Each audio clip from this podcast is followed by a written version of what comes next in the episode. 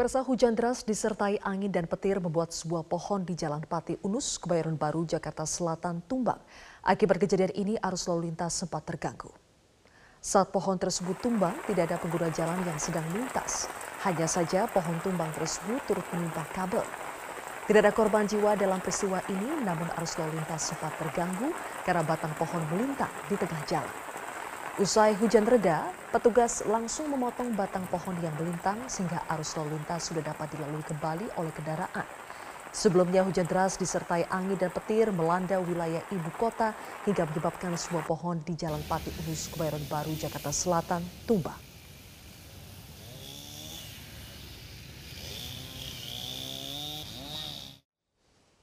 Pemirsa hujan lebat yang melanda wilayah DKI Jakarta Rabu sore menyebabkan sejumlah ruas jalan di ibu kota menjadi titik kemacetan. Sudah ada Bribtu Kulut, petugas NTMC Polri yang akan melaporkan langsung untuk Anda. Bribtu Kulut, bagaimanakah pantauan arus lalu lintas terkini pasca hujan melanda wilayah DKI Jakarta? Ya, terima kasih Sylvia dan selamat petang pemirsa. Kita akan lihat beberapa titik di ibu kota Jakarta yang memang sempat tadi diguyur hujan dan kita akan awali pantauan pada sore hari ini di kawasan Jembatan Layang Mampang, Jakarta Selatan. Dari jalur flyover tendean yang akan mengarah ke Pancoran terpantau tersendat. Hal ini juga dikarenakan adanya antrian kendaraan yang akan memasuki tol dalam kota. Sementara untuk arah sebaliknya yakni di jalur arteri dari arah Pancoran yang akan mengarah ke Kuningan maupun di tol dalam kota dalam kondisi lancar. Namun tetap kami himbau jaga batas kecepatan maksimal kendaraan Anda karena licinnya jalur pasca diguyur hujan. Berikutnya kita bergeser ke kawasan traffic light Kalibata, Jakarta Selatan. Kepadatan juga terlihat dari arah pasar minggu yang akan mengarah ke Pancoran ataupun sebaliknya ditandai dengan antrian kendaraan yang cukup memanjang menjelang traffic light meskipun selepasnya akan lancar kembali. Terpantau melalui CCTV masih banyak kendaraan yang menunggu antrian traffic light dengan berhenti di tengah-tengah persimpangan. Kami himbau hal tersebut cukup membahayakan dan juga mengganggu para pejalan kaki. Kita tinggalkan traffic light Kalibata untuk menuju ke Bundaran Patung Senayan, Jakarta Selatan. Peningkatan volume kendaraan juga terlihat di kawasan ini imbas jam pulang perkantoran dari arah Senayan yang akan mengarah ke Blok M. Terlihat antrian cukup memanjang menjelang traffic light selepasnya akan lancar kembali dan tidak jauh berbeda, hal tersebut juga terlihat dari arah Sudirman yang akan mengarah ke Senayan. Kami himbau untuk tetap bersabar, tidak saling serobot sehingga tidak memperparah keadaan. Terakhir kita lihat kondisi arus lalu lintas di kawasan Semanggi Bawah, Jakarta Selatan. Dari arah Semanggi yang akan bergabung menuju ke Jalan Sudirman sedikit mengalami ketersendatan Hal ini dikarenakan adanya peningkatan volume kendaraan. Kami himbau untuk tetap berhati-hati dan berkonsentrasi karena keadaan jalan dalam keadaan menurun dan juga licin. Dari arah Gatot Subroto yang akan mengarah ke Blok M dalam kondisi lancar. Kami himbau untuk khususnya kendaraan roda 2 jika terjadi hujan agar tidak berteduh di bawah flyover underpass maupun di bawah jembatan penyeberangan orang sehingga tidak mengganggu kelancaran arus lalu lintas. Pemirsa kami selalu menghimbau untuk terapkan protokol kesehatan di mana pun Anda berada dan tidak melaksanakan mudik pada lebaran tahun ini demi memutus mata rantai penyebaran COVID-19. Laporkan lapor, laporkan kejadian lalu lintas di sekitar Anda dengan memposting foto dan video di akun sosial media Anda, sertakan atau mention at NTMC Channel dan sertakan hashtag lapor NTMC. Hujan deras dan angin kencang mengguyur wilayah kota Bekasi, Jawa Barat Rabu sore. Video hujan deras yang disertai hujan hujan es viral di berbagai lini masa. Video hujan deras dan angin kencang yang disertai hujan es batu viral di media sosial. Dari video yang beredar terlihat butiran-butiran es sebesar kelereng berjatuhan dari atas langit. Peristiwa hujan es batu ini terjadi di wilayah Kelurahan Jatiwarna, Kecamatan Pondok Melati, Kota Bekasi, Jawa Barat, Rabu sore. Tidak ada korban atas terjadinya peristiwa hujan es ini. KRI Semarang 594 yang mengangkut bantuan dari Presiden Joko Widodo untuk korban banjir bandang di NTT tiba di pelabuhan Lewolebal, Lembata, Nusa Tenggara Timur. Berbagai macam bantuan dari Presiden Joko Widodo yang diangkut kapal ini di antaranya sembako, pakaian, genset, dan solar cell. Selain itu, KRI Semarang 594 juga akan difungsikan sebagai rumah sakit apung yang akan memberikan layanan kesehatan untuk warga, terutama para korban terdampak banjir. Keterangan apa saja yang disampaikan oleh Wali Kota Bogor dalam sidang perkara hasil tes swab di Rumah Sakit Umi Bogor dan bagaimana Bima Arya menjawab tudingan tentang adanya unsur politis dalam sikap Bima Arya terhadap Rizik Syihab. Telah bergabung mulai sambungan Zoom dengan Wali Kota Bogor, Bapak Bima Arya Sugiarto. Selamat malam, Kang Bima. Selamat malam, Fitri. Kang Bima dalam persidangan tadi dalam keterangan yang Anda sampaikan, apa sebetulnya dasar dari Pemkot untuk melaporkan Rumah Sakit Umi ke polisi? Semua langkah kami ada dasar hukumnya, mulai dari keputusan Presiden tentang pembentukan Satgas, kewenangan Satgas, sampai peraturan wali kota bahwa setiap fasilitas kesehatan rumah sakit harus menyampaikan laporan secara rutin terkait dengan penanganan COVID gitu. Yang kami uh, waktu itu fokuskan adalah uh, rumah sakit UMI yang tidak kooperatif, tidak menyampaikan data-data yang kami perlu perlukan.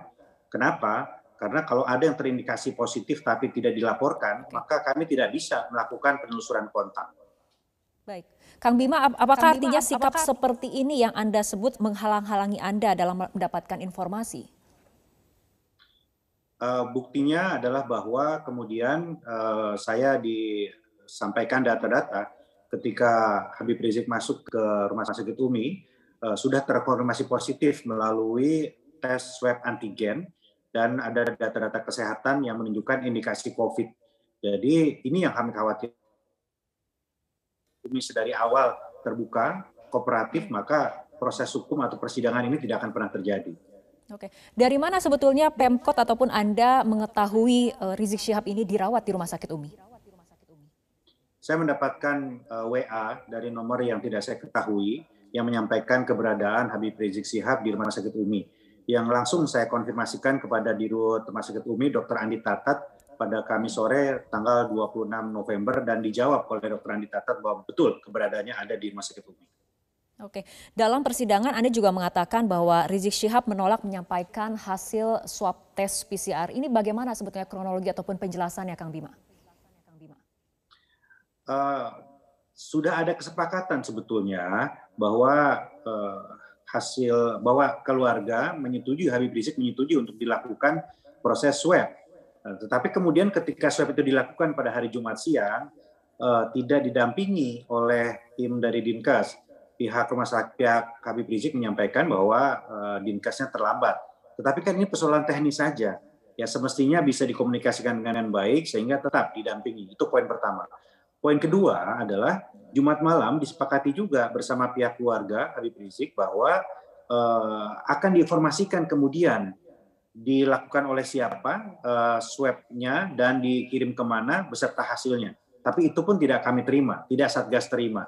Jadi sekali lagi kami melihat saat itu uh, tidak ada etikat baik untuk menyampaikan data yang kami perlukan. Sekali lagi bukan data pasien ya, tetapi lebih kepada prosesnya saja bagi kami yang penting prosesnya, status kesehatannya supaya kami bisa melakukan antisipasi. Kami sadar betul bahwa tidak semua bisa disampaikan kepada publik. Oke, eh, Kang Bima artinya pada saat pelaksanaan tes swab itu, apakah ini dilakukan di lingkup rumah sakit atau atas pengetahuan dari Satgas ataupun mungkin Dinkes atau rumah sakit Umi sendiri? Di rut rumah sakit Umi sendiri menyampaikan kepada saya bahwa pelaksanaan swab itu di luar sepengetahuan beliau Ya, ini yang kami uh, lihat uh, sesuatu hal yang kurang baik. Bagaimana mungkin rumah sakit tidak bisa memonitor pelaksanaan prokes di rumah sakitnya sendiri. Padahal berdasarkan uh, aturan uh, bahwa setiap protokol penanganan COVID itu harus disampaikan. Kami Satgas COVID menerima laporan update per hari status probable, possible, kemudian terkonfirmasi, suspek semuanya jadi yang belum positif pun baru diduga itu dilaporkan statusnya. Jadi bagi kami yang penting adalah laporan tentang tahapan proses yang sudah dijalankan untuk mengantisipasi terjadinya penularan melalui kontak erat. Oke, apabila kita kembali pada suasana sidang uh, siang tadi, uh, Kang Bima dalam sidang ini sempat terjadi perdebatan tentang keterangan Anda mengenai kondisi dari Rizik, Rizik Syihab sendiri. Apa sebetulnya yang terjadi pada saat itu dan kemudian kenapa uh, sempat terjadi perdebatan dan juga apa alasan Anda memberikan keterangan tersebut dalam BAP? Saya tidak bisa dengar suara Anda. Baik, Kang Bima, saya akan ulangi kembali pertanyaan saya. Dalam sidang tadi sempat terjadi perdebatan, terutama terkait keterangan Anda yang menyatakan Rizik Syihab berbohong tentang statusnya. Pada saat Anda memberikan keterangan di BAP, apa sebetulnya dasar dari pernyataan Anda itu, Kang Bima? Saya ditanya oleh penyidik di Barreskrim, ya, saya ditanya oleh penyidik di Barreskrim saat itu, apakah eh, Anda melihat ada ketidaksesuaian pernyataan? Saya bilang iya. Ketika saya mengetahui kemudian bahwa kondisi Habib Rizik sebetulnya terkonfirmasi positif, padahal saat itu disampaikan sehat-sehat saja. Berarti yang saya sampaikan adalah ketidaksesuaian fakta antara kondisi sebenarnya dan apa yang disampaikan pada saat itu. Artinya ketika kemudian terdakwa ataupun kuasa hukumnya mengatakan uh, ada kebohongan, bagaimana kemudian Anda merespon hal itu? Bagi kami yang difokuskan adalah tahapan protokol kesehatan yang dilakukan oleh Rumah Sakit UBI.